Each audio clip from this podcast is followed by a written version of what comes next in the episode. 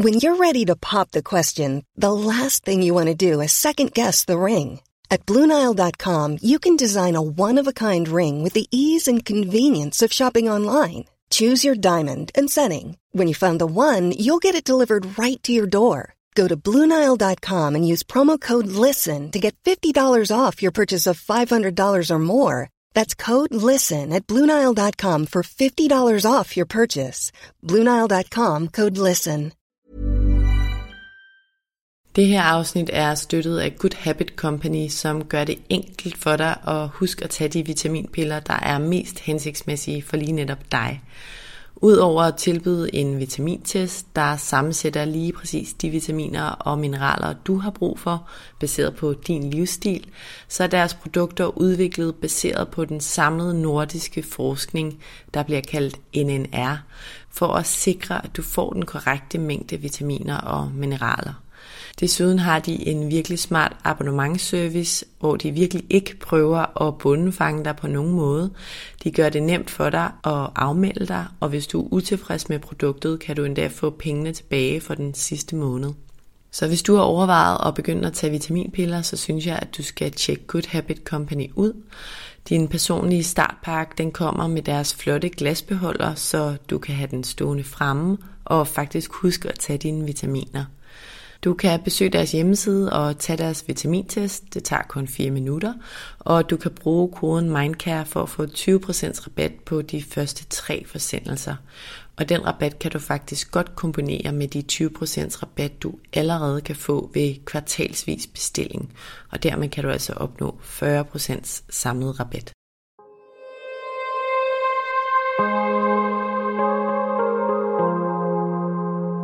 Vores mentale sundhed er nedadgående, og det er til trods for, at vi aldrig har været rigere, aldrig har haft flere muligheder og aldrig har levet længere. Det skal vi selvfølgelig tale højt om, så vi kan blive klogere på, hvordan vi får det bedre. Podcasten her handler om, hvordan vi kan lykkes med at være gladest og friest muligt i det ene, ofte ret travle liv, vi har. Og den handler om, hvordan vi kan lykkes med at være både professionelt ambitiøse og passe på os selv på samme tid. Jeg taler med eksperter og privatpersoner om alt det, der fylder inde i os. Min erfaring er, at når vi taler højt om de ting, så opdager vi, at der er mange andre, der bøvler med de samme ting. Og jeg tror virkelig på, at vi kan lære af og inspirere hinanden ved at dele vores sårbarheder, erfaring og viden. Så velkommen til Vores Mentale Sundhed, en Mindcare Collective podcast. Jeg håber meget, at du vil lytte med, og at du følger med på min Mindcare Collective profil på Instagram, hvor jeg hver dag deler indhold til refleksion, motivation og inspiration. Jeg hedder Lea Helmand. Selvværd er et emne, der fylder meget hos rigtig mange i dag, og det er egentlig med god grund, fordi vores selvværd det påvirker rigtig mange ting. Det kan fx påvirke, hvad vi tænker om os selv, hvordan vi går og har det. Det kan påvirke, hvor meget vi presser os selv, eller hvor lidt eller hvor meget vi lytter til vores egne behov. Og selvværd det er et emne, jeg virkelig synes er spændende, og jeg synes, det er virkelig relevant for alle at kende til. Og derfor er jeg så glad for at kunne dele det her afsnit med jer, hvor jeg har en af de allerbedste med til at fortælle om emnet, hvis jeg selv skal sige det. Det er Jørgen Svendstrup, og afsnittet kommer her. Inden vi starter, så vil jeg som altid også lige nævne, at du helt gratis og nemt kan støtte podcasten og Mindcare Collective, og det gør du først og fremmest ved at dele, at du lytter med. Det betyder virkelig, virkelig meget. Du kan selvfølgelig også donere et valgfrit beløb til podcasten. Det gør du via MobilePay-nummeret 155503, som du også kan se i tekststykket under afsnittet. Og så er det altså også virkelig dejligt, hvis du rater podcasten og anmelder den, og subscriber til den, hvis du kan lide, hvad du hører. Det er alt sammen med til at støtte, at der kan blive ved med at komme nye afsnit. Tusind tak. Velkommen til Jørgen Svendstrup. Tak skal du have, Lea. Jørgen, vi sad sidst i uh, de her stole for ret præcist et år siden. Mm. Ja, du var nemlig med i et af mine allerførste podcast-afsnit, da jeg launchede vores mentale sundhed. Og øhm, det var i afsnit 5. Og det er et af de afsnit, der faktisk er blevet spillet allerflest gange i dag. Fantastisk. Mm, det er rigtig dejligt. Hvis ikke det er tilfældigt. Nej, det tror jeg ikke. Jeg tror, det har noget at gøre med emnet det og, godt være. Øhm, og afsenderen eksperten selvfølgelig. Vi talte i det afsnit om selvtillid, selvværd og sammenligninger. Og vi talte om, hvad de tre ting er, om hvordan de adskiller sig fra hinanden, men også hvordan de påvirker hinanden. Og i dag der optager vi en vol 2, kan man godt kalde det. Og det gør vi altså med et afsnit, der dobbeltklikker på selvværd. Er du klar på det? Ja, ja. Det, jeg er klar, og det er vigtigt. Det er så vigtigt. Inden vi starter, så vil jeg lige starte med at præsentere dig helt kort. Du hedder, som nævnt, Jørgen Svendstrup, og du har en master i psykologi. Du er partner i det, der hedder Empowermind Danmark, hvor du er coach, træner, og du har siden 2005 uddannet over 1000 coaches og mentaltræner i hele verden. Og så har du podcasten Nøglen til din hjerne, hvor du besvarer alle verdens spørgsmål inden for psykologien, og du har skrevet en håndfuld bøger, som jeg personligt virkelig kan anbefale folk at læse. Jeg synes, de er både meget lette at gå til og inspirerende har en masse gode tips. Og øhm, jeg kan personligt rigtig godt lide den, du bliver, der hedder Du bliver, hvad du tænker, og tro på dit barn. Jeg tror, det er, det er to af mine yndlings. Du er også lige målgruppen til den sidste. Ja, det er jeg nemlig. Med små børn. Jeg kan huske, du havde det her eksempel med, øhm, at du gjorde din øh, datter blæfri, som var det 13 måneder. Ja, det var det omkring, ja. Ja, og jeg var lige at se, kunne hun det, hvis hun lærte det? Ja, Det kunne hun godt. det kunne hun godt. Det var ret vildt. De kan jo noget mere, end vi tror, de der børn. Det tænker jeg også, du har opdaget som mor, ikke? Mm, men stadigvæk 13 måneder. Det er tidligt. Lad os springe ud i det. Jørgen, i det sidste afsnit, du var med i, der øh, talte vi som sagt især om forskel mellem selvtillid og selvværd, og det dykker vi ikke særlig meget ned i i dag. Og jeg tror egentlig også, at de fleste, der lytter med, de kender den distinktion. Men jeg vil jo rigtig gerne have, at folk er med fra starten, når de lytter med. Så for god ordens skyld, som startskud til den her snak, vil du så ikke lige kort definere de to begreber, selvtillid og selvværd, i forhold til hinanden? Jo, så i, i maggeterningform, så er det to helt forskellige ting, selvom det ofte bliver, kan man sige, brugt nærmest i samme sætning. Og det ene handler om, og det ligger også lidt i ordet, tillid til, øh, at man kan det, man kan. Så det vil sige, det er noget, der handler om adfærd. Og, og man kan også sige, at vi, at vi dybest set aldrig er bedre end det sidste, vi har gjort. Fordi at jeg definerer mit selvtillid ud fra mine erfaringer omkring det, jeg gør. Altså lykkes jeg, eller lykkes jeg ikke. Men altså noget, der findes på adfærdsniveau. Hvis vi går til, til selvværet, så, så kan vi tale om, altså vi kan bruge ordet sådan, at det er en indre kerne, men i virkeligheden så er, så er selvværet forankret i identiteten. Så det vil sige, det er den, jeg oplever at være som menneske. Og, og her der taler vi om, som ordet også siger, værdien. Oplever jeg helt grundlæggende, at jeg har værdi som menneske. Og det er jo et, det er et helt, derfor er det helt væsensforskelligt. Er jeg et grundlæggende værdifuldt, enestående og unikt menneske, som vi i øvrigt alle er, eller gør jeg ting godt eller skidt i livet? Ja, tak for den afklaring. Og jeg synes, det er så spændende med de her to begreber i det samfund, vi lever i, som sætter målbarhed, altså vi kan måle ting, KPI'er, karakterer, og som roser præstationer i høj grad, mm, og det her med, ja. med selvtillid og Selvtillid. Ja, det er rigtig interessant, mm. ikke? Men jo også selvværdet, fordi vi, som jeg oplever det, er, vi talte lidt om det, inden vi tændte mikrofonen, men jeg oplever i hvert fald, at, at nu siger jeg vi, jeg er 32, men at min generation, at der er rigtig mange, der har rigtig meget selvtillid. Altså vi ved godt, vi kan præstere, vi skal nok klare det, vi får 12, og vi tager til udlandet, og vi kan godt få topjobs. Men når det kommer til selvværd og til den der tro på, at vi er noget værd uafhængigt af vores præstationer. Mm, ja. Altså når vi ligger på sofaen. Ja, og det handler nok også om det, ikke, at vi bliver, at vi bliver koblet til vores præstationer. Mm. Så vi er, vi bliver vores præstationer. Og det vil jo pludselig sige, at, at selvtilliden bliver koblet til identiteten. Så måske er det noget, noget af det, det handler om. Ja, jeg synes i hvert fald, det er så spændende, og jeg fornemmer, at der er så mange, der, øhm, der egentlig er interesseret i det her emne, og nogle taler højt om det, andre er lidt mere taler måske ikke så højt om det, fordi vi jo lever i en perfekthedskultur. Så det der med at sige, jeg har et dårligt selvværd, og fordi det kobler til identiteten, så bliver det jo enormt sårbart. Mm. Så der er ikke lige så mange, der taler højt om det. Nej. Mm-hmm. Til gengæld så er der nok en del, der går og siger, at jeg er ikke, jamen, jeg er ikke god nok. altså som, eller viser usikkerhed, demonstrerer usikkerhed, og sådan en grundlæggende usikkerhed.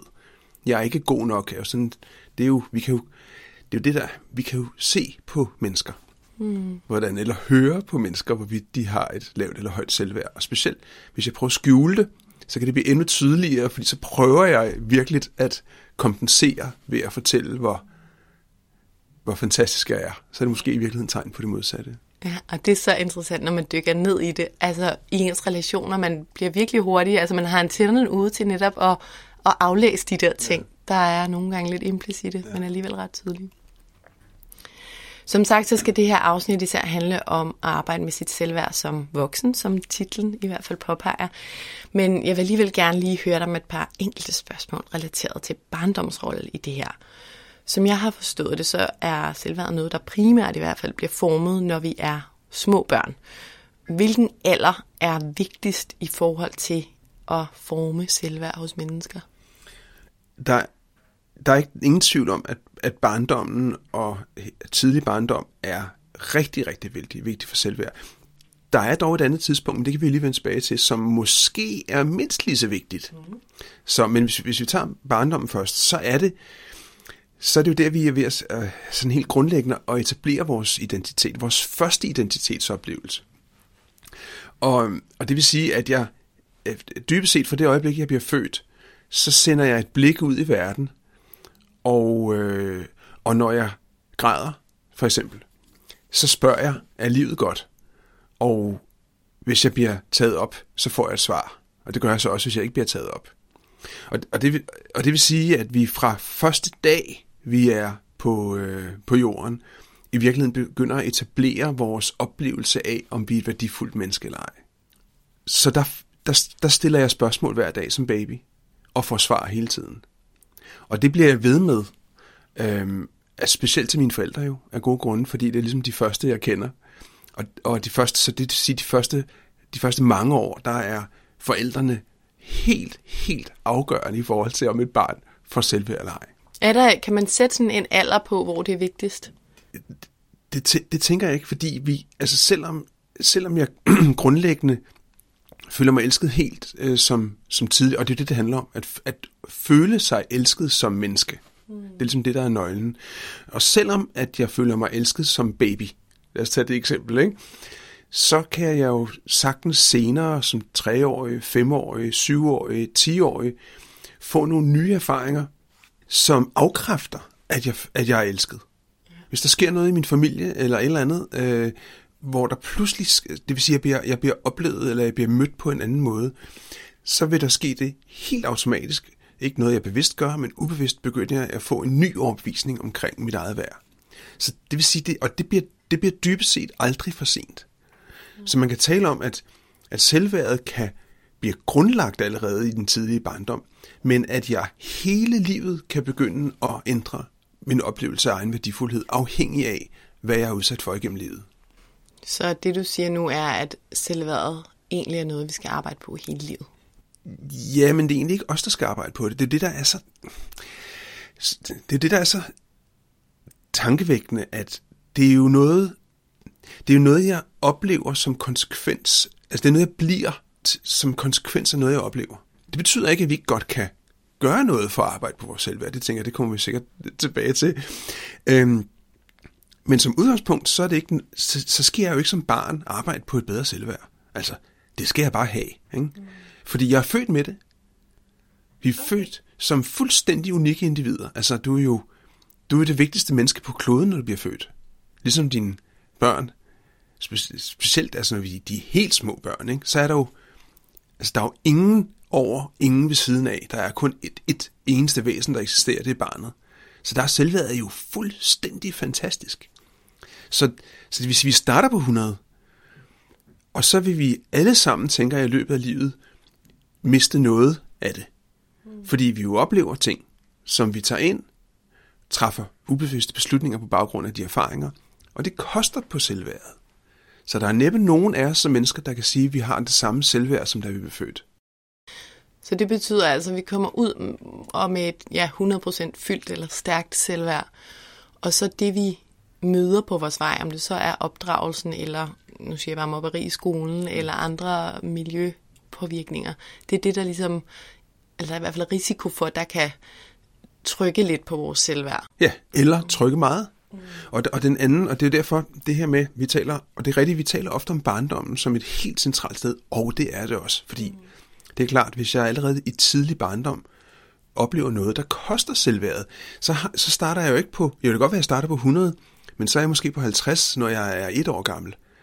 Altså, så begynder det at, begynder at være dyrt, når jeg så begynder i resten af livet at miste mere, og det er også, der er også den indbyggede udfordring, at jo mere selvværd jeg mister undervejs, hvis vi ser sådan på det, som vi har gang i lige nu, jo nemmere er det at miste mere. Okay.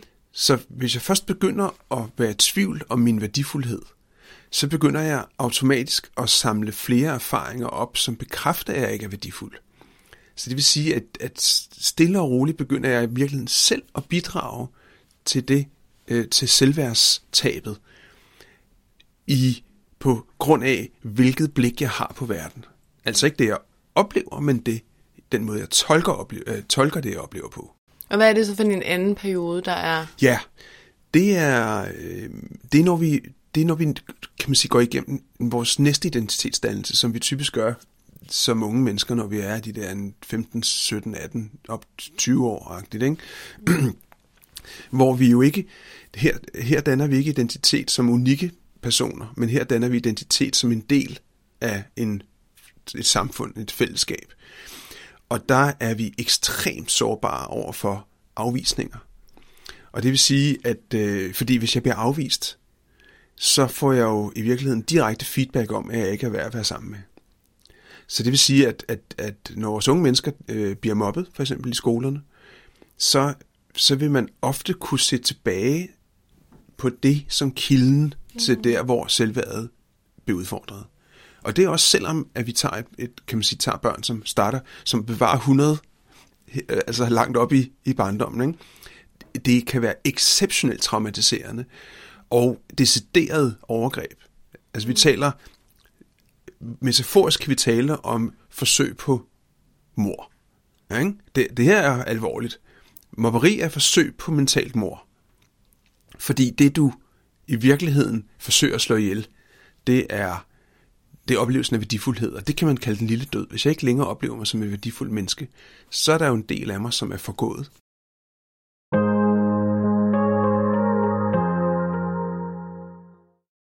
Nu bliver jeg måske lidt øhm, pessimistisk. Ja, det er godt. Nå, nej, det er ikke godt. det er ikke godt. Men det er fordi, jeg tænker, der er den her barndom, den, øh, lad os sige fra 0 til 12, siger jeg bare, eller 0 til 13 hvor øh, forældrene især har en kæmpe rolle. Og så er der de her, nu siger jeg bare teenager til 20, du sagde 15-16 til 20, hvor der også er alle de her risikofaktorer, mobberi, nu tænker jeg likes på sociale medier, og et mm. game, jeg slet ikke ja. tør tænke over i det her, i den her sammenhæng. Men det virker bare som om, at der faktisk er ret små odds for, at vi kan gå igennem hele den her periode og bevare det der stærke selvværd. Altså, vil de fleste ikke blive påvirket ret meget?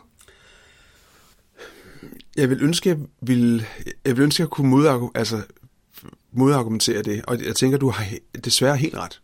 Altså, jeg, jeg, jeg tænker, at vores selvværd er udsat for betydeligt mere pres i dag, end det har været tidligere. På den anden side, så kan man sige, at tidligere, der var børn ikke måske, fik de måske ikke den samme form som direkte kærlighed, som børn jo får i dag i højere grad. Øhm, så, til gengæld er der også andre ting, forældre kommer til at gøre, som koster på selvværdet. Skærme. Skærme for eksempel, ikke? Øhm, så det vil sige, det er jo sådan et, det er jo sådan et regnestykke, ikke? Altså der er noget, vi får noget, og det koster noget. Men jeg tænker, du har ret i, at vi er, at oddsene er ikke blevet bedre. Nej.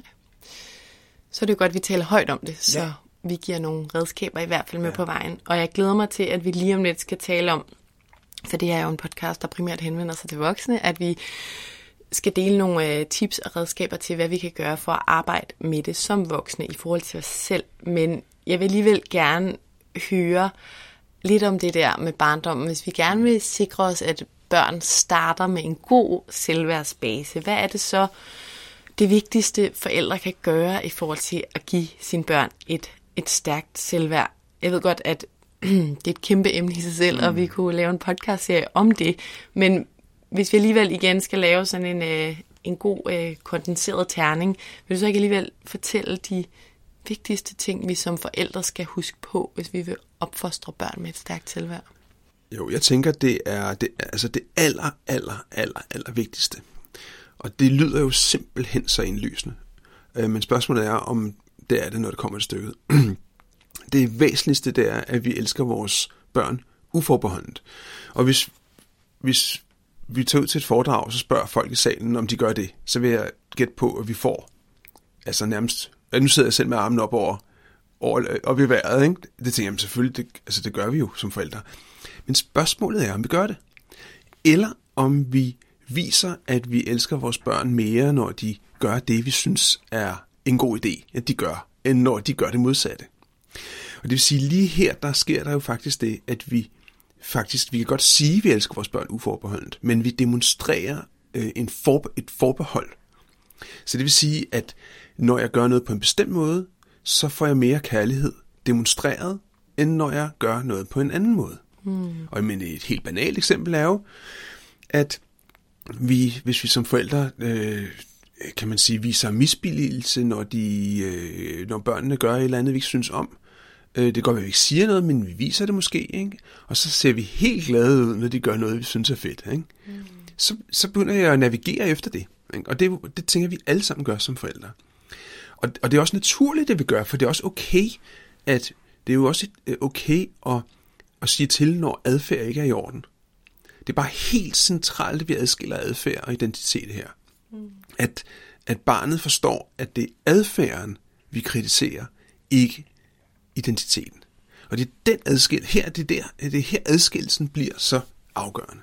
Og det er der, hvor det er vigtigt, hvis et barn gør noget, vi ikke kan lide, lad os sige, øhm, smadre en tallerken, så i stedet for at sige, var du dumt, du smadrer en tallerken, så ja. sige, jeg bliver ikke så glad, når du smadrer en tallerken, ja. fordi x, y, z. Lige præcis. Og det, og det kan næsten ligge forkert i munden.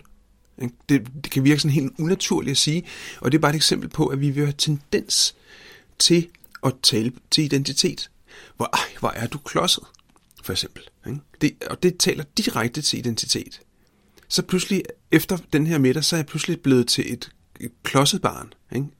Klodset barn, det kan jeg godt forstå, det er, ikke så, det er ikke et særligt godt barn. Det var bedre, hvis jeg nu var et, et ordentligt barn, ikke? eller et opmærksomt barn. Så her, her laver vi, det her det er byggeklodser, vi har gang i. Hver evig eneste dag igennem hele barnets opvækst modtager, bliver børn, barnet bygget af byggeklodser. Ja. Hvor de etablerer selvværd, eller det modsatte. Og der er nøglen, for der er jo hver dag virkelig mange hændelser, hvor alt ja, muligt sker. Det er der jo. Der skal vi tale til handlingerne. Det er handlingerne, ja. Og tage det over på os selv, ja. ikke? Jeg kan ikke lide, ja. når og en anden lille, og det her, nu er vi jo, vi er jo nede i, det her er jo nørderi, ikke? Altså, et andet eksempel kan være, at jeg siger, nu har jeg så, nu har jeg så hørt det her, og tænkt, nu skal jeg til at, så nu siger jeg, jeg elsker dig, men jeg vil simpelthen ikke have, at du øh, smadrer alle de her tallerkener ved bordet. Øhm, for det første, så hører jeg kun det sidste. For det andet, så annullerer jeg det første med mændet. Jeg elsker dig, men. Så det vil sige, det, det er allerede ikke eksisterende.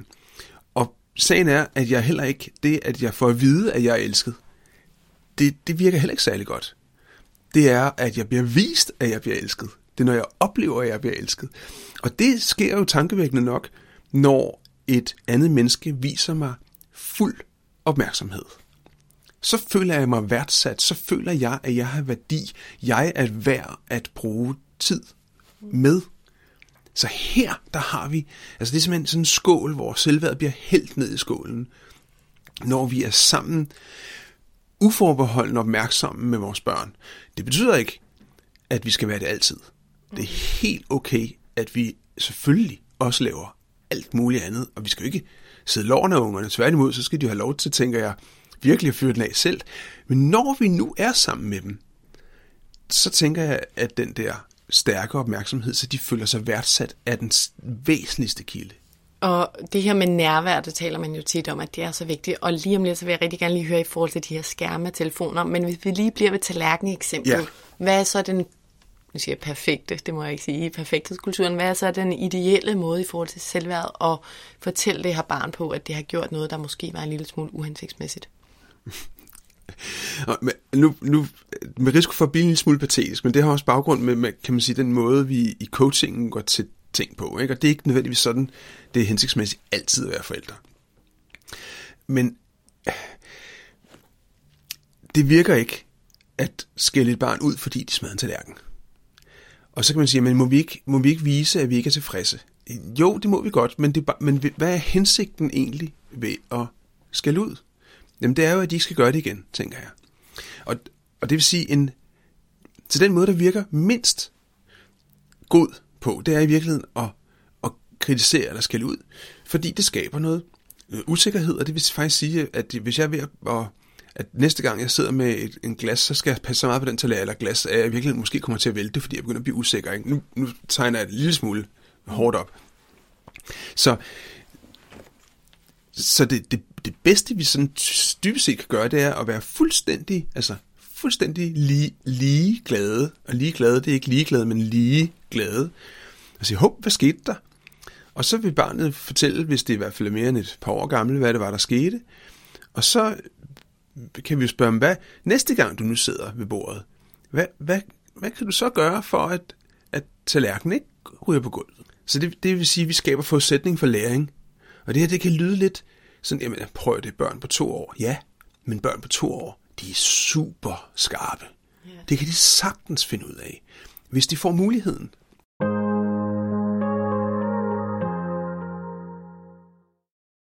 Der er to ting, jeg kommer til at tænke på og tak for det eksempel. Det er så godt med eksempler. Men øhm, jeg skal slet ikke sætte mig selv op på en pedestal, for jeg gør også alt muligt galt. Men en ting... Velkommen i en ikke særlig eksklusiv ja, tak. Men en ting, som øhm, jeg kan huske, jeg altid fik øh, skæld ud over, da jeg var lille, det var netop at gøre sådan nogle ting galt. Eller hvis man spildte mælken, eller tabt koppen, eller eller andet, så var det bare sådan, øh, altså, ja, det tror jeg var meget normalt. Men så det lå egentlig også lidt indgroet i mig, da jeg fik børn, men ret hurtigt, der besluttede jeg mig for, at det læste jeg sikkert også et eller andet sted. Måske i Helens bog, jeg kan ikke huske det, men det der med pyt. Og det er virkelig sådan, nu når, når der bliver spildt noget mælk, så sådan pyt. Og børnene siger jo også pyt, og jeg ved godt, der er en grænse, for alt skal selvfølgelig ikke være pyt, men lige for mig, der var det der faktisk en succes, at de var sådan, de er stadig elskede, selvom de spiller mælk, og jo, de skal gå hen og tørre op, men det var bare mælk, og det går væk igen. Det var virkelig dejligt at mærke. Og den anden ting, som jeg også er begyndt øh, meget med begge mine børn, men især med min datter, som taler mest. Det der med, når hun kommer og siger sådan, mor, mor, er det ikke flot, det jeg laver nu? Eller er det ikke godt? Eller nogle gange siger hun også, er det ikke perfekt? Og bare spørge dem, hvad synes du selv? Mm. For det vigtige er jo ikke, hvad alle andre synes, og hvad andre bedømmer, men hvad hun selv synes. Og nu er det bare små eksempler. Ja, men det er vigtige eksempler. Ja, ja. jeg kan i hvert fald mærke, at, øh, at jeg synes, de gør noget godt. Ja, og, og, og jeg tænker også, det er vigtigt her, lige det her med, jamen betyder det, at vi aldrig skal skælde ud, og vi aldrig skal hæve stemmen, og vi aldrig, altså fordi det kan godt være, at det er det bedste i den, i den bedste af alle verdener, men vi er også mennesker. Og det vil sige, så lige nu kan vi virkelig risikere, at vi, at vi skaber, med det vi sidder og taler om lige nu, kan vi skabe forældre, som bliver endnu mere præstationsorienteret for at gøre alting rigtigt, og dermed med stor sandsynlighed for at fejle, fordi vi kan jo ikke undgå at blive kabret følelsesmæssigt af vores børn, hvis der er travlhed. Og hvad. Altså, sådan er det bare. Ikke? Vi er jo også en slags mennesker som forældre. Øhm, så derfor, men det jeg tænker, det er, det er stadigvæk vigtigt at sætte grænser.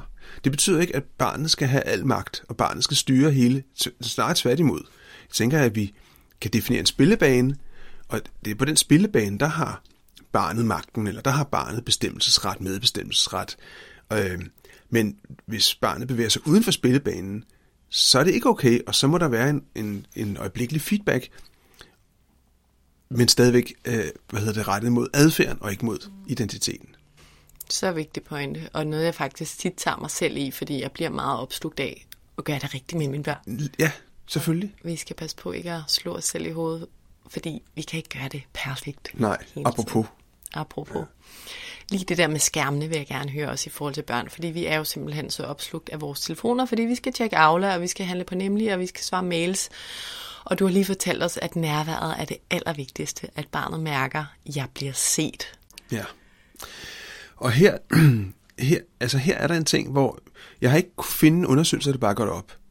Men det, jeg tænker på, den helt grundlæggende tænkning, er, det er ikke raketvidenskab, vi har gang i her, men nødvendigvis, vi tænker ikke nødvendigvis over det i hverdagen. Men hvis, hvis du er sammen med dit barn, I sidder og leger eller et eller andet, og du bliver optaget af din telefon, og det kan jo det kan der jo være ja, tusindvis af grunde til, så sender du et meget klart signal. Den her telefon er vigtigere, end du er. Så det her stykke elektronik, jeg har i hånden til 5 eller 10.000 kroner, eller hvad det nu koster, det er vigtigere end dig. Det er det, jeg siger. Og jeg siger det ikke med ord, fordi du siger, det vil jeg jo aldrig sige til mit barn. Nej, men det er det, vi viser. Og hvis det nu sker hver dag, fordi det, der er jo ikke noget barn, der på nogen som helst måde tager nogen skade af, at en forælder ikke viser, ikke er 100% opmærksom hele tiden. Naturligvis. Men hvis det nu sker hver dag for barnet er ganske lille, åh, oh, vent lige et øjeblik, skat, jeg skal lige kigge på denne her, eller øh, jeg har lige gang i noget andet, eller øh, så sender jeg jo det signal igen og igen og igen. Og den eneste mulige konklusion, barnet kan træffe, er, jeg er ikke vigtig, det der elektronik og alt muligt andet er vigtigere. På den, og i samme åndedrag, for det tænker jeg er vigtigt, så betyder det jo ikke, at hvis mit barn, hver gang mit barn kommer og vil noget, fordi det vil børn tit gerne, så er det ikke noget, at jeg kaster alt væk, som jeg har gang i, og bare retter opmærksomhed mod barnet. Fordi det er, også, det er også kontraproduktivt. Så derfor så er vi tilbage til det der med, at når vi er når vi definerer vi sammen med børnene, så er, det, så er det, vi kan vise fuldstændig opmærksomhed.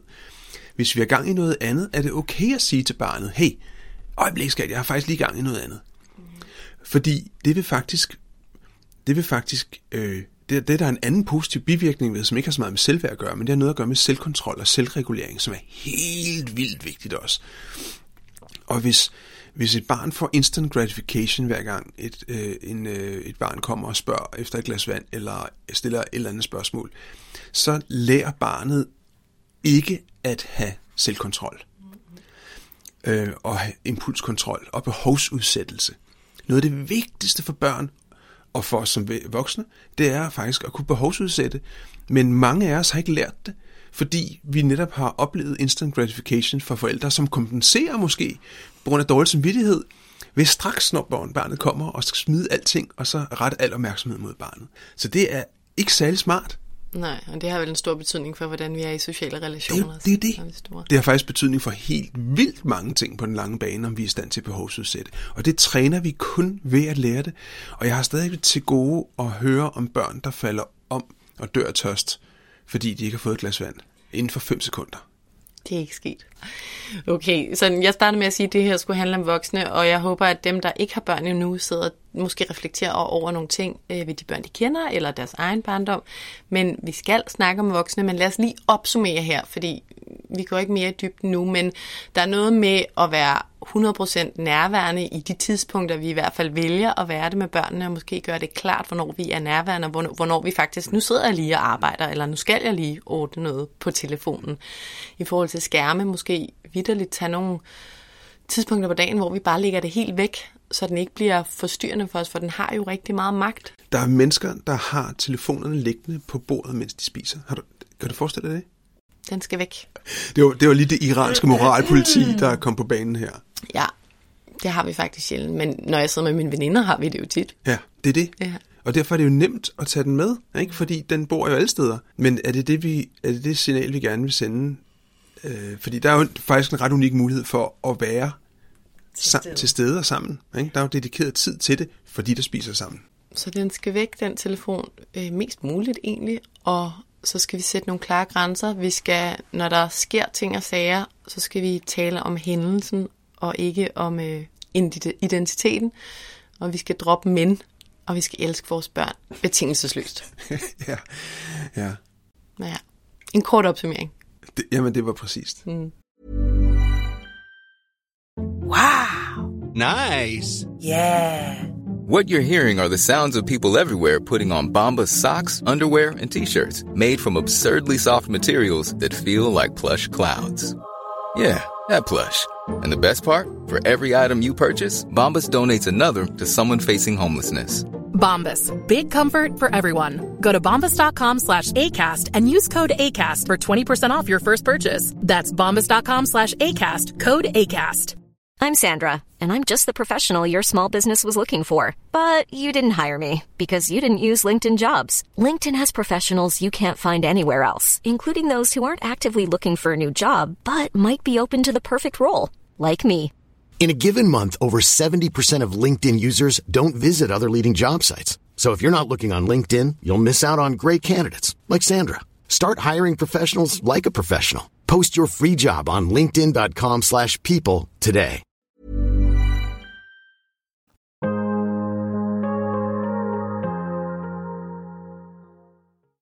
Jeg vil også gerne lige høre, og det er jo egentlig også til os selv som voksne, men betyder opdragelsen og miljøet det hele, når vi skaber selvværd hos børn? Eller er der også nogen, der genetisk har anlæg for bare at have mere selvværd end andre? Der, der er ikke noget, der tyder på, at vi har altså, altså at vi på nogen måde er født med andet end total selvværd. Alle sammen. Alle sammen. Det, der kan, det der muligvis er tilfældet, det er, at vi kan muligvis have en genetisk disponering for at miste det hurtigere. Og, det, og her, der, der, er vi ude i, altså der er vi simpelthen ude i spekulationer, fordi, men det er, der der er en helt, altså en hel del af de her forskellige, kan man sige, vi, er vi er ikke født med vores overbevisninger. Og, og selvværd er en overbevisning. Altså det er det, det, det er. Er jeg overbevist om, at jeg er værdifuld, eller er jeg overbevist om, at jeg ikke er det? End of story. Og vi er ikke født med vores overbevisninger. Men ja, ja, det kan godt være, at vi skal lade den blive der, fordi Der er ikke studier, der viser det nej, eller andet. det er der ikke. Lad os holde den der. Ja. Noget andet, jeg har tænkt på, det er det her med, når vi taler om selvværd i dag, så synes jeg tit, at det bliver omtalt som, at hun har et stærkt selvværd, eller han, eller hun har det ikke. Og jeg tænker alligevel, er det egentlig stabilt, eller er det faktisk kontekstafhængigt? Mm. Fordi der er jo selvfølgelig forskel på den her selvværdsbase, vi har opbygget, og vi tager med os som voksne mennesker. Man kan man alligevel ikke godt sige noget med, at vi kan have et selvværd, der ændrer sig lidt i forhold til, hvilke mennesker vi er sammen med, eller ja, konteksten vi er i, eller perioden vi er i i livet, eller hvad vil du sige om det? Altså perioden i livet, tænker jeg, som vi har været lidt inde på, kan have en betydning, fordi jeg kan, jeg kan blive mere, det kan blive mere skrøbelig, den oplevelse, når min identitet er i overgang. fordi når selvværd er bundet til identiteten, så betyder det, at hvis min identitet er, er flydende, så bliver pludselig selvværdet også mere flydende. Og, og vi talte om barndommen, vi har talt om teenageårene med flydende identitet, men det kan jo godt ske senere i livet også. Lad os sige, at jeg har haft et job i 30 år, og jeg har identificeret mig med mit arbejde, og jeg så pludselig bliver fyret fra arbejde. Så kan, så kan det være et decideret identitetstab. Ikke kun et jobtab, men et identitetstab. Og derfor kan jeg pludselig godt blive usikkerhed på min, usikker på min grundlæggende værdifuldhed, når min identitet bliver flydende. Og det kan ske hele livet. Men, men det er ikke sådan, at du kan sige, i sidste uge, der var jeg sammen med en gruppe arbejdsmennesker, det er et tænkt eksempel, og der, øh, der føler jeg mig på en eller anden måde mindre værd, men når jeg er sammen med mine venner, så er jeg bare helt sikker på, at jeg er noget værd. Jeg, jeg tænker, oplevelsen, tænker jeg nok godt, vi kan have. Og, og nu er det jo, altså det er jo også lidt semantisk her, ikke? Men der tænker jeg, at det har noget, det har noget at gøre med, med selvtilliden. Jeg kan jo godt føle mig, altså det at føle sig usikker, der kan jeg jo føle mig usikker på, hvor værdifuld jeg er. Men jeg kan også føle mig usikker på, hvordan skal det her nu gå? Mm. Øh, er jeg nu sammen, sammen med nogle arbejdsmennesker, og jeg tænker, oh, de, de er super dygtige alle sammen. Og, altså, så er det jo selvtilliden. Har jeg tillid til, at jeg sådan set kan møde dem i øjenhøjde? Men, men når jeg siger det er semantisk, så er det fordi, det er ikke sådan, jeg siger, nå nej, det er selvtilliden. Altså, så er det jo bare min op, så er det mit selvbillede, ikke? Og selvbillede, det er virkelig en kombination af selvtillid og selvværd. Så distinktionen laver jeg jo ikke nødvendigvis. Jeg kan bare mærke, at jeg er usikker. Mm. Så, så selvtilliden kan meget nemt være kontekstafhængig. Fordi der er noget, jeg er god til. Så når jeg er i den situation, så har jeg høj selvtillid, men så er der noget, jeg er virkelig dårlig til. Så der har jeg ikke særlig meget selvtillid. Det er fuldstændig naturligt, at den fluktuerer. Men selvværdet er som udgangspunkt stabilt. Ved mindre, at min identitet bliver udfordret. Okay, godt lige få afklaret. Så, og, men det betyder ikke, når jeg siger nogenlunde stabilt, så betyder det ikke, at jeg, jeg kan både tabe det, og jeg kan få mere af det. Mm. Så stabilt er det ikke. Men som udgangspunkt, så vil det være relativt stabilt. Ja, så vi kan arbejde på det eller miste det gennem livet, men ja. det er jo ikke sådan, at du ved, det fra den ene vennegruppe til den anden øh, på to dage, så bliver selvværdet det samme. Nej. Men til gengæld kan man sige, voksenmobning foregår jo også. Mm. Altså arbejdspladser, hvor et menneske bliver mobbet, øhm, kan være mindst lige så død, mentalt dødbringende som i teenageårene. Fordi selvom vi har haft et godt selvværd, og, og jeg bliver mobbet, så, kan jeg, så mister jeg jo, så det er jo afvisninger. Og det, afvisninger er efter, altså næst efter at dø fysisk. Så det at tabe ansigt, det er også, det er jo, det er den, kan man sige, den mentale død. Så afvisning er den største, højeste straf, vi kan få simpelthen. Det svarer jo til, altså, ja, det er den mentale udgave af at, at stille træskoene.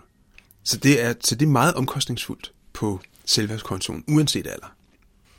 Lad os så dykke lidt ned i, hvad vi kan gøre. Altså ja. det kan både være, når vi har fået den her afvisning og har fået et hak, eller at vi bare kan mærke, at vi, øh, vi egentlig ikke synes, vi er gode nok, eller vi ikke er værdifulde nok. Hvad er der, hvis du kan ja, gå igennem nogle, nogle redskaber, eller nogle tips, eller nogle... Ja, og, og der er ikke noget rigtigt quick fix. Jo, der er muligvis et, det kan jeg lige vende tilbage til senere. Men det, kan man sige, det, det bedste, vi kan gøre, det er at være sammen med mennesker, som elsker os uforbeholdent. Så det vil sige, lad os sige, at jeg har, hvis jeg har et, et, er udfordret på min selvværd igennem mit barndom og ungdom, og pludselig som voksen møder et menneske, som bliver partner med et menneske, som elsker mig uforbeholdent, så vil jeg i starten ikke tro på det, fordi jeg er jo ikke særlig værdifuld, jeg kan ikke være værd at elske. Men hvis den kærlighed er vedholdende nok, så på et tidspunkt, så bliver jeg nødt til at overgive mig. Fordi ellers er han idiot jo, ikke? Altså, øh, hvis ikke han skrider. Men på et tidspunkt, så vil jeg overgive mig. Og så begynder jeg i virkeligheden at, at få selvværdet tilbage igen. Så det er næsten, det er måske den, den mest sikre, langværige måde, det er at finde et menneske, der elsker mig uforbeholdent. Og der er vi jo så alt lige meget afhængige af andre. Af andre, det er vi. Mm. Og der er en anden udfordring, der bor i det her, det er, og det, er, det her, det synes jeg er lidt syret, det er, at hvis vi er, hvis jeg har en grundlæggende overbevisning om, at jeg ikke er værdifuld som menneske, så vil jeg automatisk have en adfærd, der understøtter overbevisningen. Fordi jeg vil uden ubevidst vil jeg forsøge at producere en adfærd, så jeg kan fastholde billedet af mig selv som en, der ikke er værdifuld. Prøv at give et eksempel. Ja, og det øh, i for eksempel parforhold. Lad os sige, jeg, og nu taler vi ikke, altså vi taler ikke om nogen, der har bare lidt, altså, altså lidt lavt selvværd, men no, nogen, som er decideret udfordret på selvværd. Så er overbevisningen, jeg er ikke værd at være sammen med. Jeg er jo ikke, jeg er jo, det har jeg oplevet hele mit liv. Øh, jeg, jeg er simpelthen ikke værdifuld nok til, at andre synes, jeg er interessant at være sammen med. Så finder jeg en kæreste. Så vil jeg producere en adfærd, sådan så den kæreste bliver hurtigt træt af mig. Fordi så får jeg ret. Og det her, det er jo så kontraintuitivt, som man kan forestille sig. Altså, det, det, er jo, det virker jo helt absurd. Og det er jo noget, vi gør bevidst. Men ubevidst forsøger vi, så etablerer vi en adfærd, som understøtter den overbevisning, vi har omkring os selv. Og når så, at jeg, han skrider fra mig, så kan jeg jo konkludere, ja, der kan du bare se, jeg er værdiløs. Så det vil sige, at der er en overvejende sandsynlighed for, for folk, der er meget udfordret på selvværd, at de ryger fra den ene dårlige forhold til det andet, fordi det bekræfter billedet af er det ikke vildt? Mm, det er helt vildt. Og lidt, øh, ja, meget uhensigtsmæssigt. Jamen, sindssygt uhensigtsmæssigt. Øh, bortset fra, at der er en hensigtsmæssig bivirkning ved den her adfærd, ja. det er, at det giver tryghed. Mm. Det giver tryghed om, ja, det er rigtigt, jeg er. Og, og det, altså det, er ligesom, det er lidt ligesom, at hvis et, et barn gerne vil have meget opmærksomhed og, og laver meget ballade, og så får negativ opmærksomhed, det, virker, det virker også helt vanvittigt, ikke? Men det er alligevel bedre end ingen opmærksomhed. Mm. Så det vil sige, at der er nogle, der er nogle sekundære gevinster ved den adfærd, som vi godt kan lide. Og tryghed, det, det at finde ud af, at jeg er, som jeg troede jeg var det er enormt trygt. Der er psykologien altså lidt kompleks. Er det ikke vildt? Mm, helt vildt. Men hvad skal vi så gøre, hvis vi er i sådan en situation, for ikke at nå dertil? Ja. Der, der er flere ting, vi kan gøre. Der er ikke nogen af dem, som... Altså, det her er ikke noget, der sker fra den ene dag til den anden. Og, og, i, og der er helt sikkert mange, der er gået i terapeutiske forløb for at arbejde med selvværd og så videre, og, og har fundet ud af, at det er slidsomt. Altså, jeg møder, vi møder jo nogle gange her, som siger, at det har jeg brugt de sidste mange år på, og det går bedre. Ikke? Altså, øh, så de fleste, de fleste veje er lange. Ligesom at det også har taget, det har altså også taget et stykke tid for nedbrudt selvværdet, skal vi tænke på. Ikke? Det kan være, at det er et helt, en helt barndom, der hver dag, der har gået med det. Ikke? Så det vil sige, at den overvisning er meget grundlæggende. Men noget af det, vi kan gøre, for det første kræver det noget bevidsthed. Det kræver, at jeg bliver bevidst om, hvad det er, jeg går og siger til mig selv. Det er en vej at gå. Fordi hvis jeg er udfordret på selvværdet, så er jeg hård ved mig selv i det, jeg går og siger til mig selv. Så jeg går og siger, men du har lægt til noget. Hej, jeg ser nu bare der. Ja, det går, det går garanteret helvede. Altså, en hel række ting, vi går og siger til os selv, som er med til at fastholde og forankre det ringe selvværd. Mm. Så uanset hvad jeg har været udsat for i mit liv, så vil, så vil jeg vedligeholde det på baggrund af det, jeg går og siger til mig selv. Og så det vil sige, en vej, det er at blive bevidst om det, og stoppe mig selv, når jeg hører det, og derefter sige noget andet. Og her er vi ude i noget, som jo opleves naturstridigt. Fordi hvis jeg siger til mig selv, at jeg er god nok, og jeg ikke, og jeg ikke tror, jeg er god nok. Og det bliver lidt søgt, ikke? Jamen, det bliver søgt. Men sagen er bare, hvis jeg siger til mig selv, at jeg er ikke god nok, så er det jo det, jeg forstærker. Så, og det her er ikke den mest effektive måde, men det er i hvert fald, vi skal i hvert fald stoppe den indre dialog, hvor jeg taler mig selv ned. Det er én vej at gå. Og lige til det, er vi så ikke inde og pille ved det der med, altså helt, ja, biologisk med neurale baner i hjernen, at vi har de der åer, der kan blive til bækker, der kan blive til floder, hvis vi gør ting flere og flere gange. Ja. Og det er her, der er en genvej, og det, det, skal, vi nok, det skal jeg nok lige komme tilbage til, men, men man kan sige, at vi kan bevidst gøre det. Det er bøvlet, det kræver bevidsthed, det kræver konsekvens. Mm. Det er ikke bare en uge eller en måned, vi taler om, men det er en vanemæssig måde, det, det vi siger til os selv vanemæssigt, det skal stoppes. Mm. For ellers så, ellers så forringer jeg mit selvværd hver dag, og vedligeholder det ved det, jeg siger. Så det er én ting. Det var på tankeplan. Så kan det være, at vi siger det højt også. Det kan også være, at vi siger til andre, ja, men altså, ligegyldigt hvad, jeg kan jo ikke, jeg kan jo ikke stikke en pind i en lort, uden at ødelægge både pinden og lorten, eller hvad vi nu finder på, ikke? og sige mærkelige ting. Det bliver vi også nødt til at stoppe med. Det kan faktisk blive en del af, det, det kan blive en del af min, jeg kan endda faktisk have en del af min identitet, ved at gå og sige sådan noget til mine omgivelser, og så grine lidt af det. Det kan blive sådan en del af min, min telling, min storytelling, som, nej, men jeg siger det bare for sjov. Mm, ja, men det er også en måde, ja, ligesom at få det ud gennem sidebenene på sig, og legitimere det på en eller anden måde. Det bliver vi også nødt til at stoppe med. Og det er ikke særlig fedt at sige det modsatte.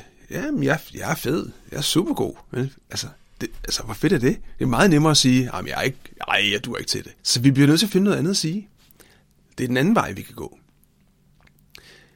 Så handler det om erfaringer. Vi skal til at samle nogle andre erfaringer op. Og er jeg udfordret på selvtillid og selvværd, så vil jeg have samlet utallige erfaringer op om alt det, der ikke er lykkedes. Alle de dårlige forhold, alle de gange, jeg har forsøgt at stoppe med at ryge, alle de gange, altså alt det, der ikke er lykkedes. Det er min historie. Så jeg skal have skrevet en ny historie.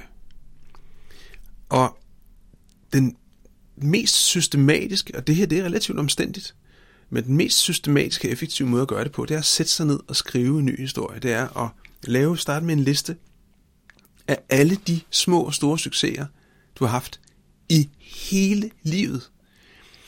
Og i starten kan det være, at du kigger på et tomt stykke papir, og det er jo bare et tegn på, at du måske det meste af livet har holdt øje med det, du ikke har lykkedes med. Mm. Så det vil sige, men, det, men og, og det kan jo være endda, du siger, at ja, der er jo ikke nogen succeser.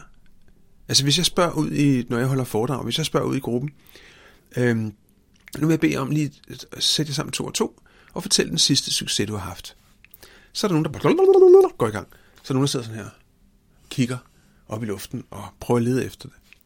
Her, der ved jeg, ved bare at kigge ud i salen, der kan jeg se, den, den, den, den, den person er udfordret på deres selvværd, fordi det er ikke præsent, hvad de har lavet haft af succeser. Vi ser ikke succeserne, vi ser fiaskoerne. Så helt grundlæggende, det man kan altså lavpraktisk gøre, det er at tage et papir og skrive fra, at man kan huske, hvilke succeser man har haft. Ja, og alt tæller med. Mm. Og så fremadrettet huske på dem. Ja, men simpelthen, det, den, kan man sige, det papir, som forhåbentlig bliver til et kladehæfte med tiden, fordi det sjove er, at når jeg begynder at rette lyset et nyt sted, så begynder der at dukke mere og mere op. Så selvom jeg kan sidde i timer og kigge på et tomt papir, så vil, vil, vil du opleve derhjemme, hvis du kaster dig ud i den her opgave, at på et tidspunkt, så kommer der flere og flere og flere og flere. Apropos det, du tænker på, får du mere af. Op lige præcis. Lige præcis. Og det, det er enormt kraftfuldt, fordi det, det kan nærmest være ubehageligt at sidde og kigge på sådan lange, lange liste med succeser. Øh, fordi det passer jo ikke til det billede, jeg har af mig selv. Så, så, og det vil sige, at vi kan have forskellige undvigestrategier.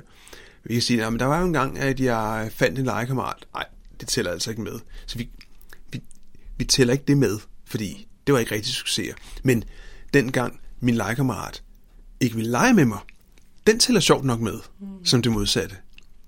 Så alt tæller med. Små ting, store ting. Og vender man tilbage til det her kladehæfte en gang om ugen, eller? Det er den nye historie. Mm. Så det vil sige, det, er en, det kan være en dagbog, det kan være hvad som helst. Men det eneste, der må stå, det er små og store succeser.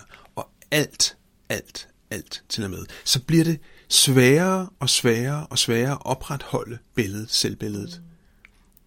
Og hvis du spørger et menneske, hvor mange, øh, øh, hvad hedder det, Øh, et, et menneske med lav selvværd, hvad, øh, om succeser, så siger man, det kan jeg ikke huske, der er ikke rigtig nogen. Og der findes ikke mennesker på kloden, der ikke har haft succeser. Men der findes mennesker, der ikke har opdaget det. Mange. Hænger det også en lille smule, den her øvelse, sammen med det der, med det der mange, der taler om, det hører man mange steder, det med at kigge sig selv i spejlet, kigge sig selv i øjnene, og fortælle noget godt til sig selv, frem for at fokusere på, at bumsen på næsen, eller håret sidder dårligt, eller lårene er for store. Jamen det, ja, det, det er jo det, vi kan kalde positive affirmationer. Og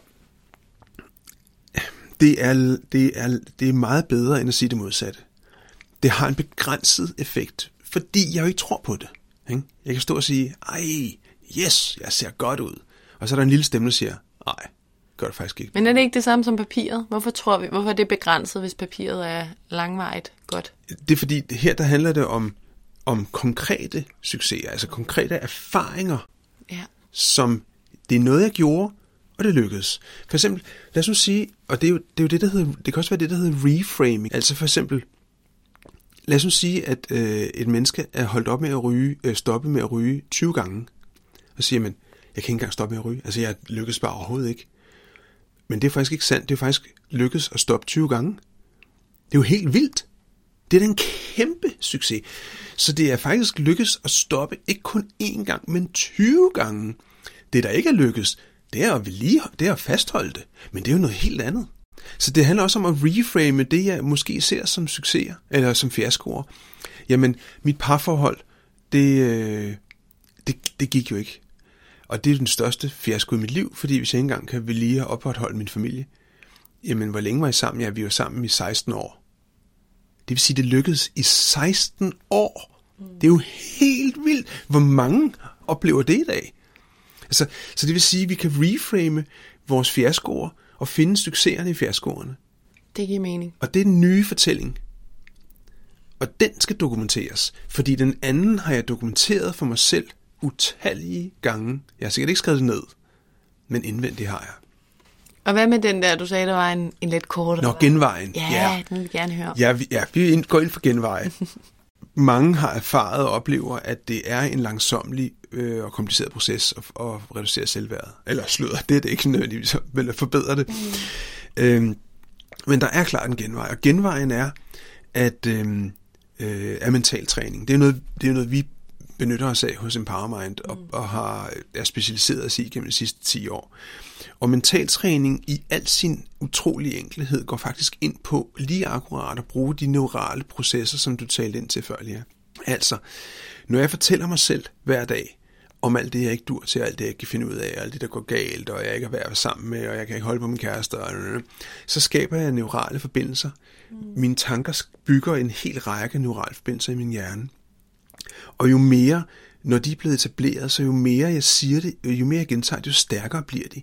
Og derfor er det utrolig vanskeligt at bryde dem, fordi de bliver så stærke, at de til, til sidst bare tiltrækker de samme tanker. Ja. Bare det, forbindelsen er etableret, så er det nemmere at tænke tanken, end at tænke noget andet. Og det er det, vi skal have brudt, og det kan vi jo det for eksempel gøre ved, ved de ting, vi lige har talt om nu. Ja. Men den måske nemmeste måde er mentaltræning, som handler om, at der ind igennem øret bliver sagt det, som det du egentlig vil sige til dig selv foran spejlet. Altså, du er god nok. Mm. Det lykkes for dig. Det skal nok gå alt sammen. Øh, du er værdifuld som menneske, og en hel masse andre ting, som vi ikke tror på, når vi siger det til spejlet, fordi det passer ikke med det billede, vi har af os selv. Men når vi har fået talt hjernen ned i sådan en tilstand, hvor den er, hvor den sådan er lidt halvsovende, ja. så mister vi det kritiske filter, der ikke tror på det. Og det vil sige, så suser det, der bliver sagt ind igennem øret, som er sådan et trænings, træningsprogram med ord og lyd og musik på, hvor sætningerne bliver sagt, så suser det direkte ind, etablerer neurale forbindelser, bygger nye, små, spæde neurale forbindelser i hjernen. Gud, for interessant. Jamen, det er mega spændende. Så fordi vi kommer i den der state af sådan ja. meget fokus, lidt sovende, ja. eller måske ikke så meget fokus, men lidt sådan...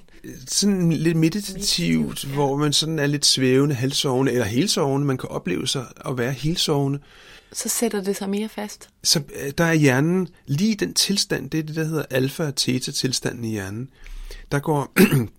der er hjernen, har den den optimale plasticitet og modtagelighed over for input.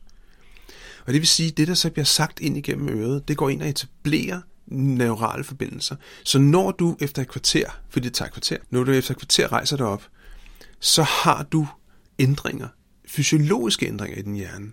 Det er bevist. Det kan man simpelthen gå ind og måle. Og jo flere gange du så hører det samme, jo stærkere bliver de nye neurale forbindelser. Okay. Så det vil sige, at du kan lægge dig på sofaen og forbedre dit selvværd og styrke dit selvbillede. Så der er vel en god idé at være, at hver aften, inden man går i seng, og lave sådan en... Hver aften. Eller og happy hour to gange om dagen. Det er fint.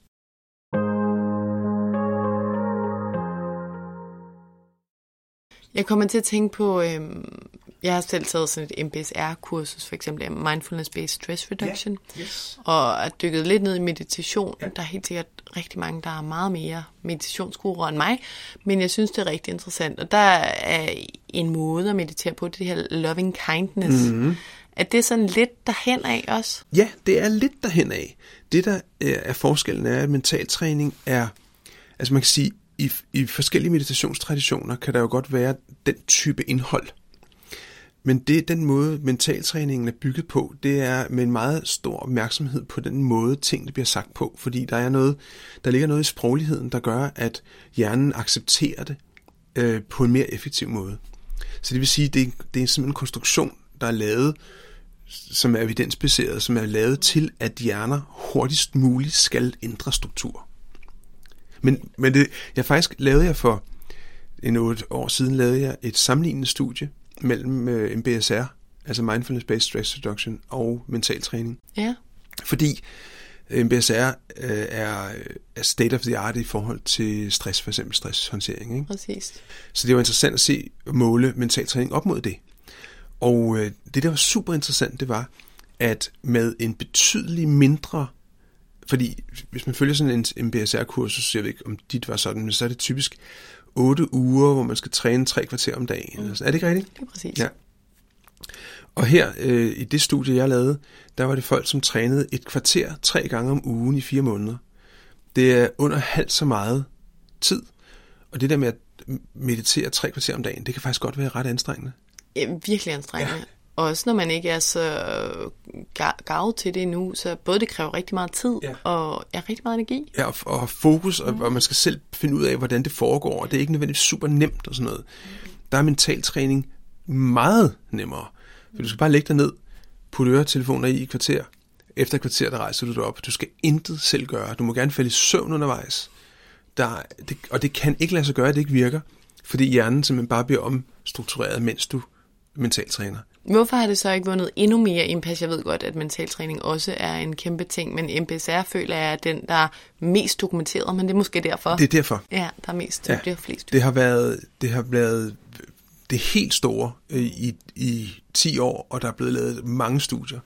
Der er til sammenligning lavet ganske få studier i mentaltræning, for der er ikke særlig mange, der praktiserer det i verden. Jeg har også lige lyst til at høre om metakognitiv terapi, fordi nu har jeg et afsnit med Pia Kallesen, og det er jo en helt anden terapeutisk mm. retning.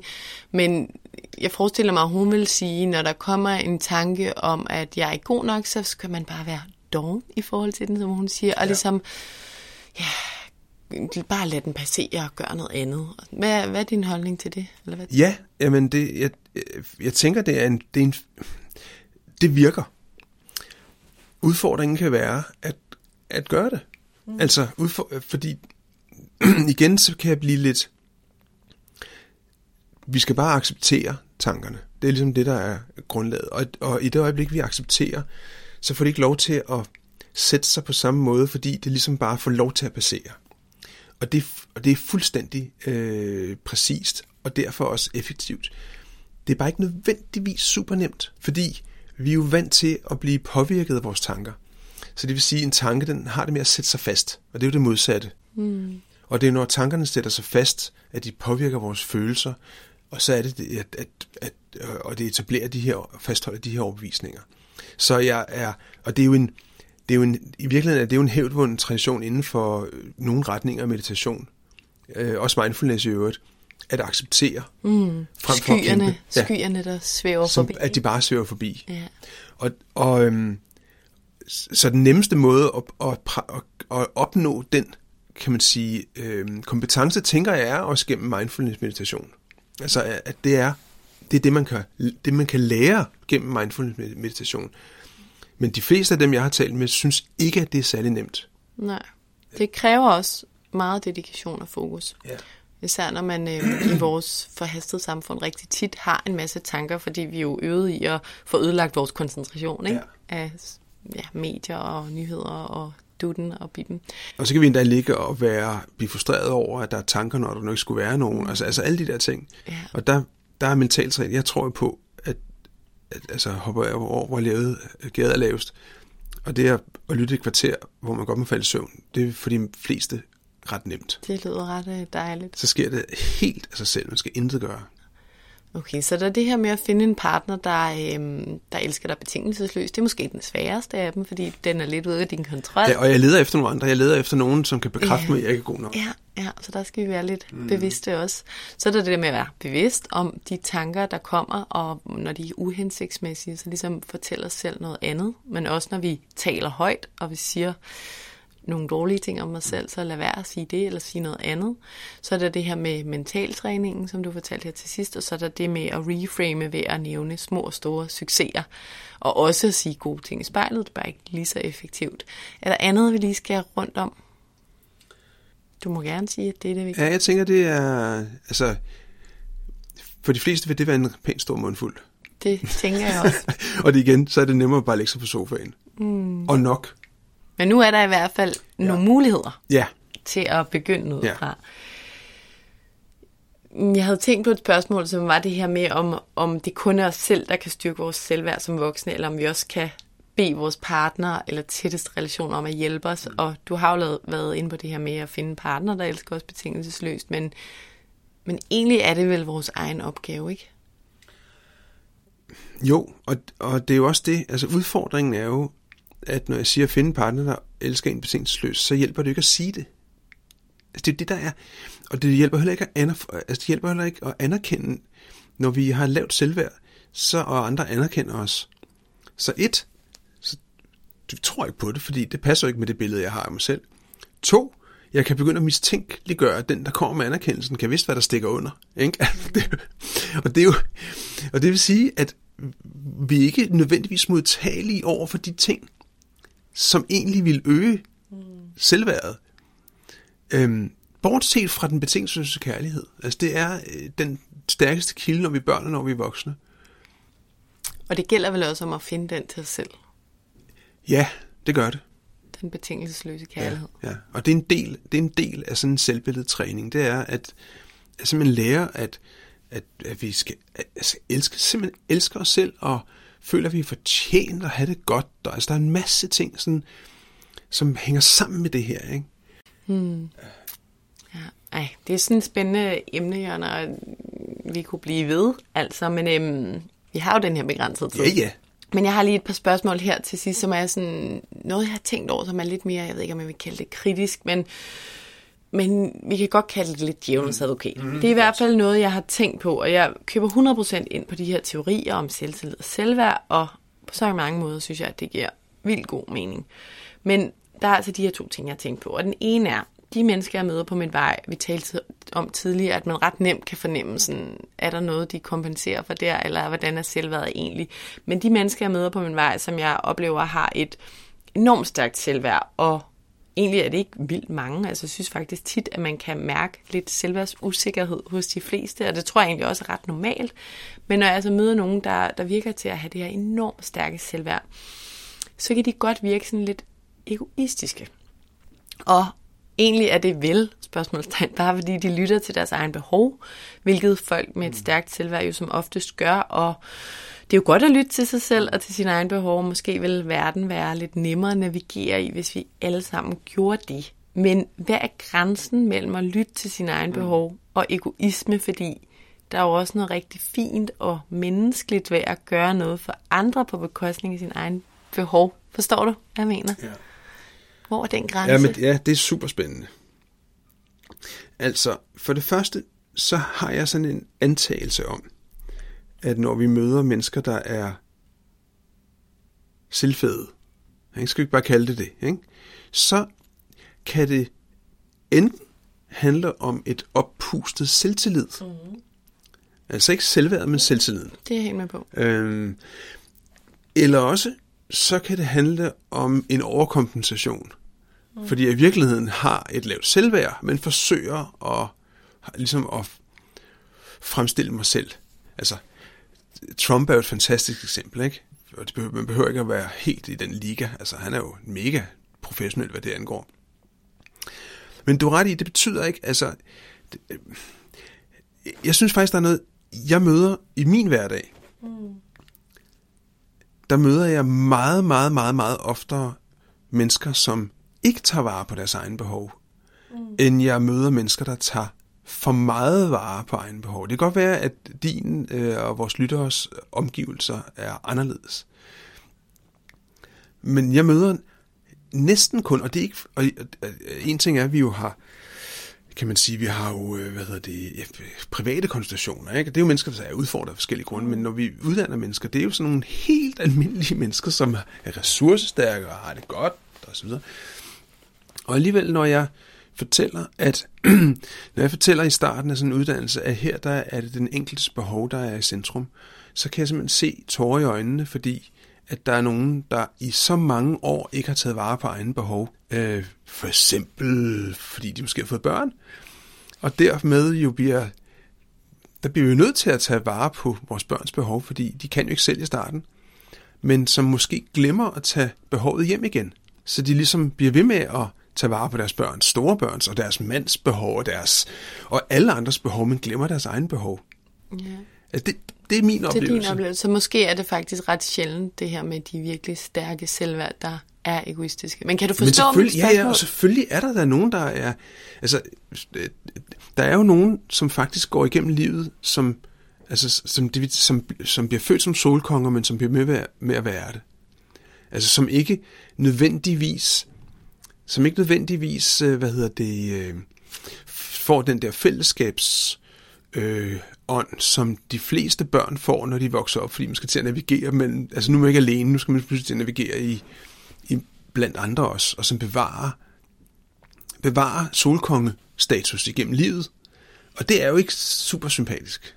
Nej, og man kan sige, der er jo også bare nogen, der er mere egoistiske end andre. Altså, Ja, øh, ja og, andre. og, og, men egoisme er, jo- er jo nærmest udråbt til noget af det værste, vi kan være som mennesker. Og jeg, jeg, skrev en, jeg skrev en bog for nogle år siden, der hedder Tag dig selv alvorligt, som faktisk handlede om, blandt andet lige akkurat om det, at jeg, at, at selvfølgelig er det ikke fedt at møde eller være super, jo det er meget fedt at være, tænker jeg, egoistisk. Øhm, men at der er langt større risiko for, at jeg ikke tager mig selv alvorligt. Ja, det er jo derfor, jeg startede med at sige, at egentlig er det jo ret godt, det der med at lytte til sine egne behov, fordi der er så mange, der ikke kan finde ud af det. Ja, men, men det kan selvfølgelig blive for meget. Ja. Men sådan er det jo med, det er jo ligesom, jeg plejer at have sådan en, en bell curve, sådan en øhm, normal fordelingskurve, Ja. t- øh, som, til at beskrive stort set alt i hele livet. Ikke? At der er bare nogen i begge ender. Ikke? Der er nogen, der er mega egoistiske, og der er nogen, der er totalt selvudslættende. Men majoriteten findes et eller andet sted midt imellem. Ja, det er kun fordi, jeg har, jeg, jeg synes, jeg har lagt mærke til de Ja. der enkelte, hvor jeg tænker, okay, du har godt nok et stærkt selvværd. Der er nogle gange, hvor jeg vil have gjort det anderledes, men igen, jeg er også total pleaser og kunne i den grad arbejde med, og arbejde også med at blive det mindre. Øhm, jeg er blevet meget bedre til at tage min egen behov alvorligt, men der er helt sikkert også noget der, der clasher lidt med min sådan måde at gøre tingene på. Selvfølgelig, og man kan sige, jo mere, jo mere vigtigt andres behov er for dig, hmm. jo mere vil det jo også stikke i øjnene, når der er nogen, der bare er altså fuldstændig ligeglade. Ikke? Men som man siger, når noget ved andre irriterer en, så er det jo tit, fordi man har noget ubearbejdet i sig selv. Ja, jeg vil bare gerne det er lige høre- spændende. Ja, det synes mm. jeg. Det synes jeg. Fordi lad os sige, at alle blev, alle mennesker blev top, uh, fik et topstærkt selvværd. Ja. Vil de så bare gå rundt i deres egen lille klokke? Altså er der måske noget menneskeligt ved, at vi også får et Jamen, hak i selvværd? det, det, jeg, jeg tror det simpelthen ikke. Og det er fordi, jeg tror helt grundlæggende på, at hvis ikke vi, altså hvis ikke vi oplever os selv som værende værdifulde, helt grundlæggende, hvad er det så, vi kan tilbyde andre? Og men det er også derfor, jeg startede med at sige, at jeg køber 100% ind i det og i teorien, og vi er netop i en verden, hvor vi er så mange, der kunne få et stærkere selvværd. Så det er jo øh, virkelig minoriteten, jeg taler om. Jeg synes bare, det Jeg tror, den anden risiko er større, men det betyder selvfølgelig ikke, at det ikke godt kan være en risiko. Og så, men så er der en anden ting her, når du siger det her. Det er for eksempel, coaching bliver jo, kan man sige, det har jo tidligere været kritiseret for at være stærkt individualiserende. Hmm. Og når jeg sidder over for et menneske, så er det jo sådan set det menneske, altså det er kun det menneske, jeg sidder over for. Så det er kun dig, det handler om. Det er kun det, du vil. Det vil sige, at set udefra kan coaching opleves som en praksis, som i den grad dyrker egoet. Øhm, og derfor vil den naturlige konsekvens jo være at få egoister ud af den type coachingforløb. Altså det, det, hvis den, kan man sige, teori holder. Min oplevelse, og nu har jeg jo coachet afskillige tusind øh, sessioner i, øh, i, i min, de sidste 20 år, og min oplevelse er, at der faktisk sker noget andet. At, jeg, at de mennesker, der går ud af døren, bliver pludselig opmærksomme på, måske i højere grad end tidligere, hvor vigtige deres nære relationer er. Og, deres, og det er jo ikke mit projekt, det er jo, men det er jo fordi, når, når der er nogen, der vil noget, så er det jo naturligt at finde ud af, hvad koster det, du vil. Og det kan jo godt koste noget i forholdet, eller øh, arbejdstid, eller, og hvad, hvad konsekvenser har det, ikke, du ved. Så der ligger nogle konsekvensberegninger inde, Ja. og det har faktisk den modsatte effekt. Så jeg oplever, at de, der bliver coachet, faktisk bliver mere opmærksomme på aftrykket i omgivelserne.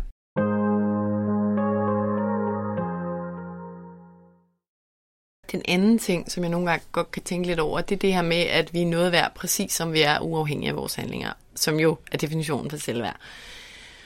Og måske bliver det en lille smule abstrakt eller filosofisk, men, men altså, hvorfor er det egentlig? Fordi en baby, eller et barn, eller en voksen, der hypotetisk ikke gør noget, eller ikke siger noget som helst, og ikke udøver nogen handlinger, altså, hvad er det værd, og hvem har bestemt, at det er noget værd? Forstår du? Altså, det er hele præmissen. Ja, ja, det er super sjovt. Ja. For jeg vil jo gerne have, at det er sådan. Mm. Ja, det er super sjovt. Og, det, og jeg tænker, det jo i virkeligheden handler om, at vi er så det, at det er, at vi er så blanke, når vi bliver født. At vi er Gud. Mm. At, at når man når man for eksempel i Thomas evangeliet taler om, at Gud bor i mennesket, så altså ikke er noget, der er uden for os, så, så tænker jeg, at det er det, der er i det, altså det nyfødte barn, indeholder det guddommelige, og det er kun fordi, at det er jo det eneste, der eksisterer i det barns bevidsthed, det er jo en selv. At der er jo, der eksisterer intet andet. Det vil sige, jeg er alt. Så, så, jeg tænker, det, det er der, det opstår. Det er jo ikke andre, der har defineret, at det nyfødte barn skal være unikt og fantastisk og enestående. Eller jo, det gør forældrene selvfølgelig også, ikke? Mm. Men allerede inden forældrene begynder, så tænker jeg, at barnet oplever at være det, fordi der, jeg er, jeg er Gud. Jeg er det hele. Ja. Og det som sagt, det bliver måske en lille smule Ja, det er spirituelt. ja, ja, ja, men- men det er da super interessant. Og hvad så med vores dårlige handlinger? Altså, sådan en som Putin, Putin hvis vi bare skal have, tage ham, fordi han er jo et nemt eksempel. Hvis handlinger ikke har nogen betydning for værd, er Putin så lige så meget værd som andre, der ikke slår folk ihjel? Ja. Helt grundlæggende. Ja, Det, altså det, det, det tror jeg jo. Ja. Altså jeg, jeg, jeg havde lavet på et tidspunkt en podcast omkring, om der findes onde mennesker. Ja. Og det tror jeg ikke, at der gør.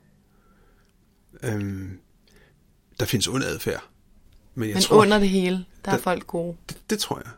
Men vi har, jo, vi har det jo med at definere mennesker på baggrund af deres adfærd. Mm. Fordi det er det, vi ser.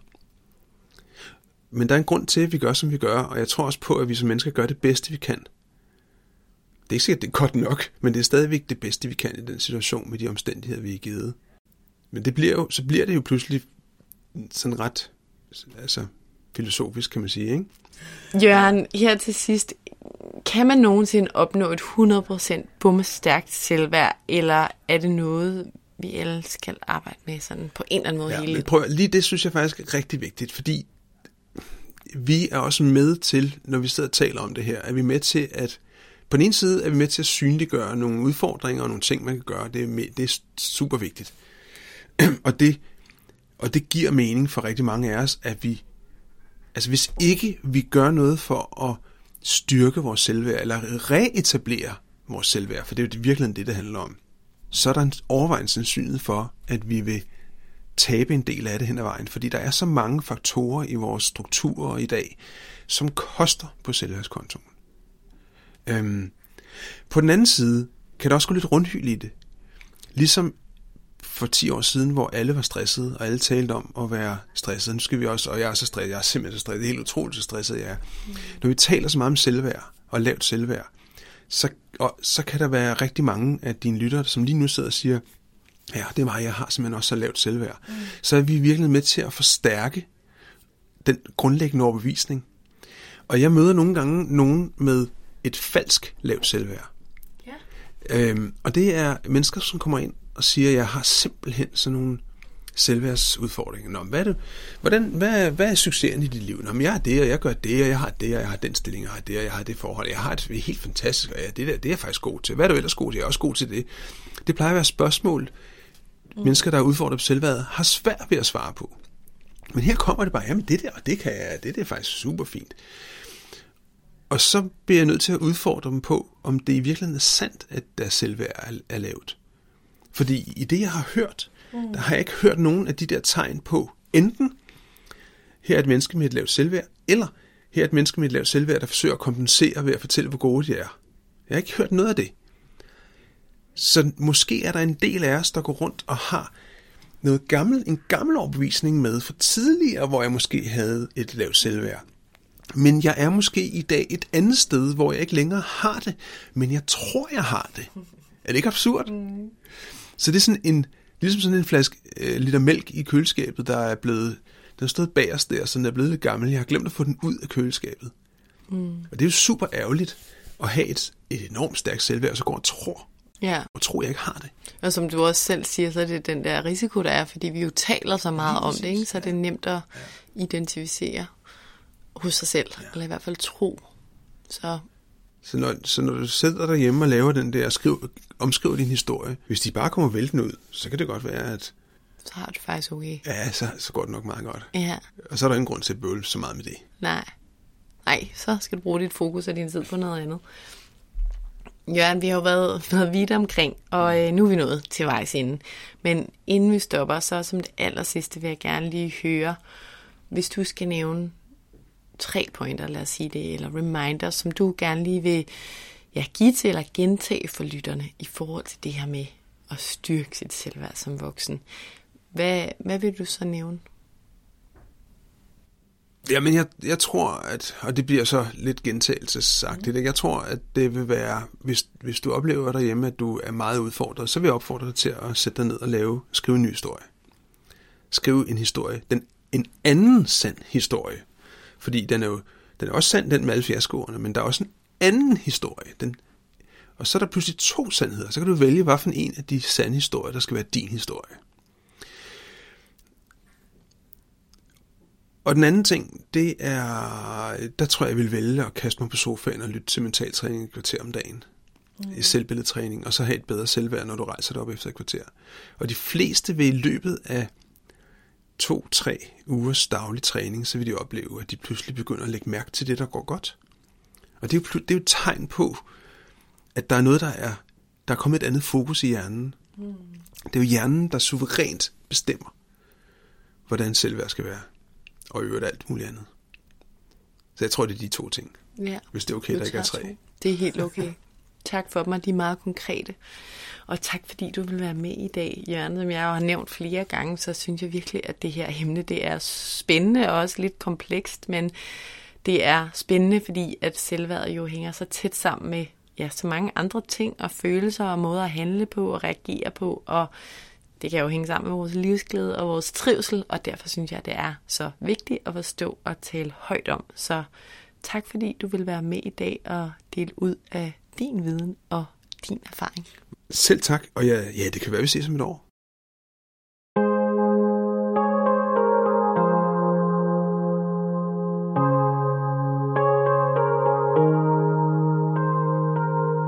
Der er virkelig mange ting, jeg synes egentlig vil kunne opsummeres her fra afsnittet i dag, men jeg vil forsøge at holde det helt kort, fordi jeg ved, det er blevet et langt afsnit. Men først og fremmest skal vi huske, at selvværdet faktisk er ret udsat. Ja, både i barndommen og måske faktisk især som unge teenager eller i de unge teenageår. Og det er ikke for at male fanden på væggen og være pessimistisk, men jeg synes, at det er en vigtig pointe, som måske gør det lidt nemmere for os at anerkende, at det altså er ret normalt og naturligt, at folk i samfundet kæmper med deres selvværd. Eller i hvert fald har lyst til at arbejde med at gøre det endnu stærkere. For der er tydeligvis rigtig, rigtig mange faktorer, der påvirker det gennem vores unge år. Som I hørte i afsnittet, så der er der meget, vi som forældre kan gøre, hvis vi gerne vil opfostre børn med et stærkt selvværd. Og så er der altså også nogle helt håndgribelige ting, vi kan gøre som voksne, hvis vi vil arbejde med vores selvværd. Og det kan være, at du har lyst til at prøve nogle af tingene af. Og så vil jeg bare afslutte med at sige, at du skal huske, at du er noget værd, præcis som du er, fuldstændig uafhængigt af, hvad du præsterer eller opnår, eller ikke præsterer eller ikke opnår. Du er noget værd, husk det, også når samfundets præstationskultur kan få dig til at føle noget andet en gang imellem. Og så en lille note om næste uges afsnit, som jeg virkelig glæder mig til at dele med jer. Det er med Marianne og Amalie. De er værter på podcasten Astropods, som nogle af jer formentlig kender, og de er med i programmet Matchet på Mælkevejen. Og vi taler altså ikke overraskende om astrologi. Marianne og Amalie fortæller, hvad astrologi egentlig er, og hvad vi egentlig kan bruge det til i en moderne verden. De fortæller også mig om mit stjernetegn, og vi dykker ned i, hvordan man altså kan bruge den her viden fra stjernerne til at få endnu mere ud af livet. Tusind tak, fordi du lyttede med i dag. Hvis du kunne lide det, du hørte, så håber jeg, at du vil rate og anmelde podcasten, og at du vil trykke på subscribe-knappen, så du altid ved, hvornår der kommer et nyt afsnit. Det betyder helt enormt meget. Du er som nævnt selvfølgelig også meget velkommen til at støtte podcasten her med et valgfrit beløb, hvis du kan lide, hvad du hører, og gerne vil have, at der bliver ved med at komme nye afsnit. Det kan du gøre via MobilePay-nummeret 155503, som du også finder i tekststykket under afsnittet i din podcast-app. Som det aller sidste vil jeg også opfordre dig til at skrive til mig, hvis du har noget på hjerte, eller hvis der er nogle særlige emner, du rigtig gerne vil høre om i relation til mental sundhed og i forhold til, hvordan vi bliver friest, sundest og gladest muligt i det liv, vi har. Skriv til mig via min Instagram-profil Mindcare Collective, hvor jeg i øvrigt håber, at du følger med eller skriv til mig via min hjemmeside mindcarecollective.com. Tak fordi du lyttede med. Mom deserves the best, and there's no better place to shop for Mother's Day than Whole Foods Market. They're your destination for unbeatable savings, from premium gifts to show-stopping flowers and irresistible desserts. Start by saving 33% with Prime on all body care and candles. Then get a 15-stem bunch of tulips for just $9.99 each with Prime. Round out Mom's menu with festive rosé, irresistible berry chantilly cake, and more special treats. Come celebrate Mother's Day at Whole Foods Market.